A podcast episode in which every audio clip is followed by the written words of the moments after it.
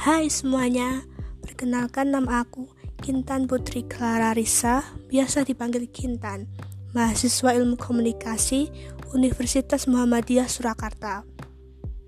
Pada podcast kali ini, aku akan menjelaskan sedikit tentang manajemen media televisi yang udah aku review dari buku manajemen media massa yang ditulis oleh Mas Fajar Junaidi.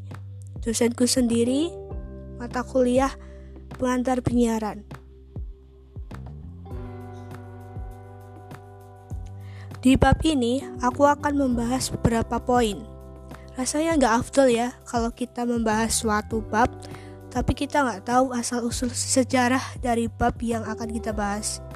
Jadi pertama-tama aku akan membahas tentang sejarah dan perkembangan televisi terlebih dahulu.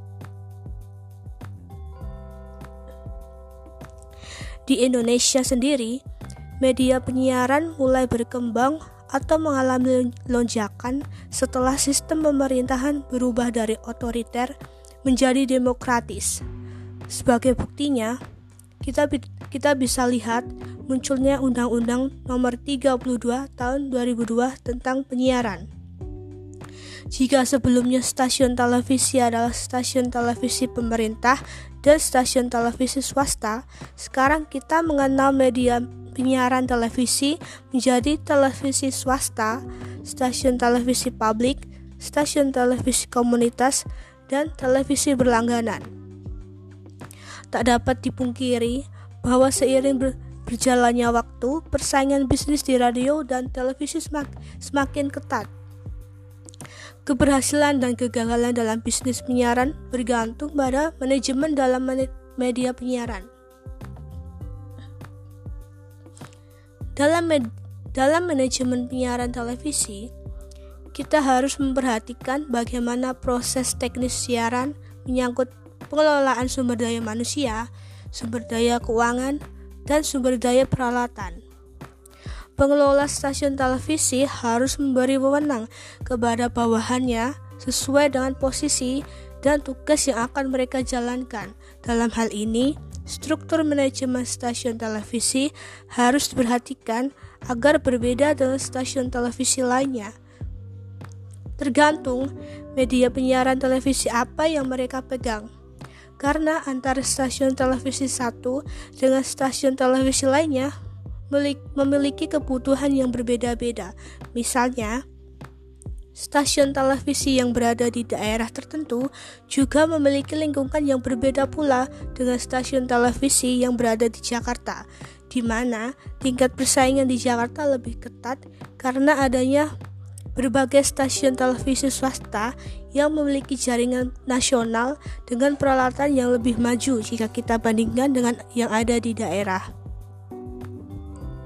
Satu hal yang tidak boleh dilewatkan dan harus diperhatikan dalam manajemen penyiaran televisi adalah pemberian penghargaan atau reward dan sanksi atau punishment.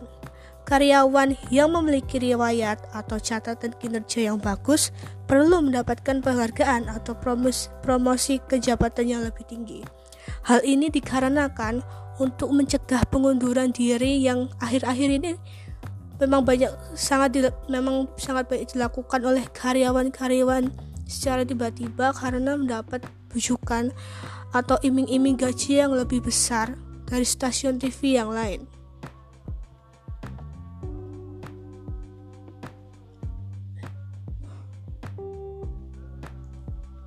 Nah, setelah membahas media penyiaran yang ada di Indonesia, kita akan membahas tentang perkembangan penyiaran televisi.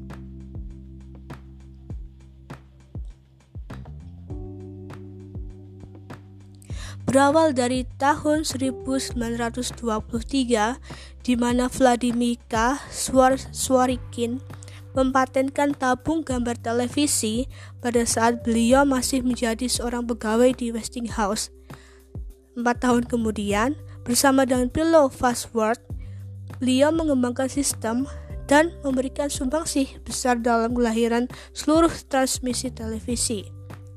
Namun sebelumnya, Konsep tentang televisi telah ditemukan oleh seorang ahli fisika Prancis bernama Alexandre Edmond yang melakukan observasi tentang efek elektromagnetik cahaya.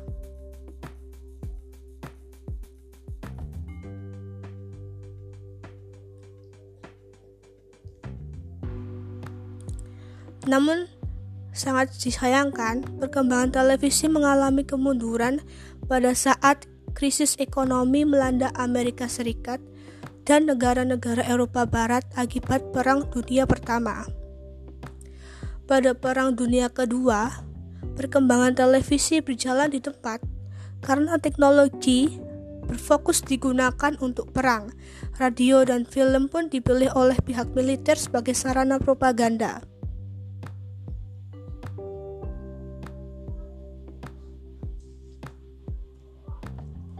Setelah Perang Dunia Kedua berakhir, stasiun televisi mulai melakukan programming dalam siaran mereka. Pada tahun 1948, populasi pesawat televisi di Amerika Serikat telah menjangkau 1 juta penduduk dan jumlah stasiun televisi yang diizinkan pun mengudara telah memengkak menjadi 108 stasiun penyiaran televisi yang dari sebelumnya hanya ada 10 stasiun siaran televisi di Amerika yang hanya diizinkan.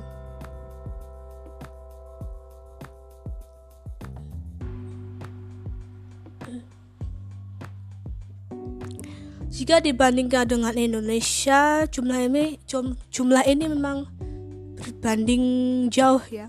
Karena di Indonesia adalah negara berkembang dan baru memiliki stasiun televisi pada tahun 1960-an.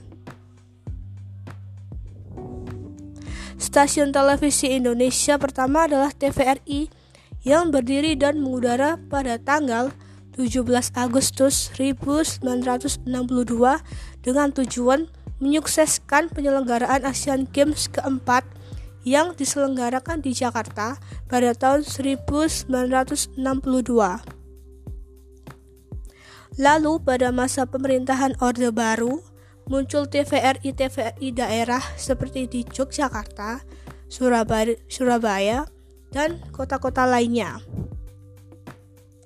Tetapi TVRI mendapat masalah karena iklan yang disiarkan di televisi televisi mereka menurut Menteri Penerang Penerangan Harmoko dianggap membawa dampak negatif pada masyarakat pedesaan. Setelah setelah setelah itu muncul stasiun televisi swasta pertama di Indonesia yaitu RCTI. Tetapi siaran RCTI terbatas, hanya bisa dinikmati melalui televisi yang dilengkapi decoder. RCTI juga membuka tabu dalam siaran iklan di televisi dengan menyiarkan iklan.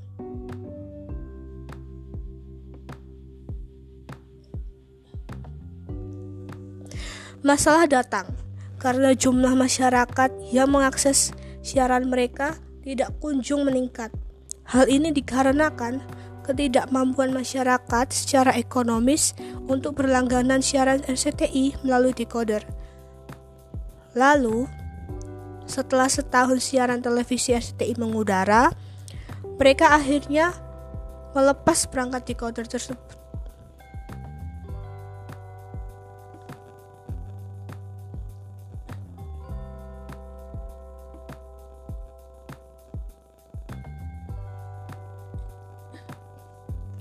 Memasuki poin terakhir yang akan kita bahas pada podcast ini adalah mengenai struktur dan posisi dalam manajemen televisi.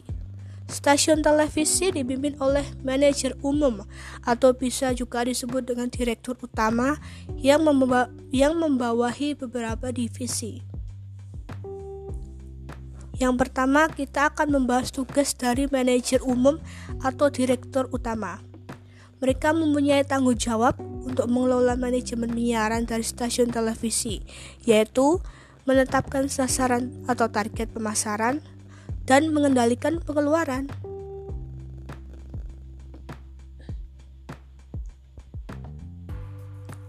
Di dalam struktur organisasi media penyiaran terdapat empat fungsi dasar yang meliputi teknik, program, pemasaran, dan administrasi.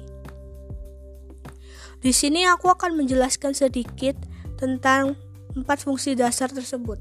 Yang pertama adalah teknik. Teknik memiliki tanggung jawab dalam menjaga kelancaran siaran. Petugas merawat peralatan yang ada agar selalu prima ketika digunakan, dan teknisi memiliki kemampuan untuk melakukan perawatan berkala pada perawat, pra, peralatan audiovisual yang dimiliki oleh stasiun televisi.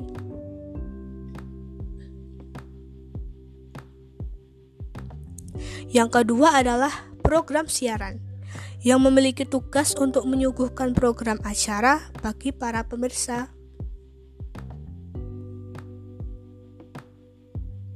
Yang ketiga adalah administrasi yang memiliki tugas dalam fungsi-fungsi organisasi yang berkaitan dengan fungsi administrasi meliputi pengelolaan sumber daya manusia, pembukuan, pembayaran gaji, dan pengelolaan anggaran. Yang terakhir adalah pemasaran, yang memiliki tugas untuk menjual program-program yang dimiliki stasiun televisi pada pengiklan.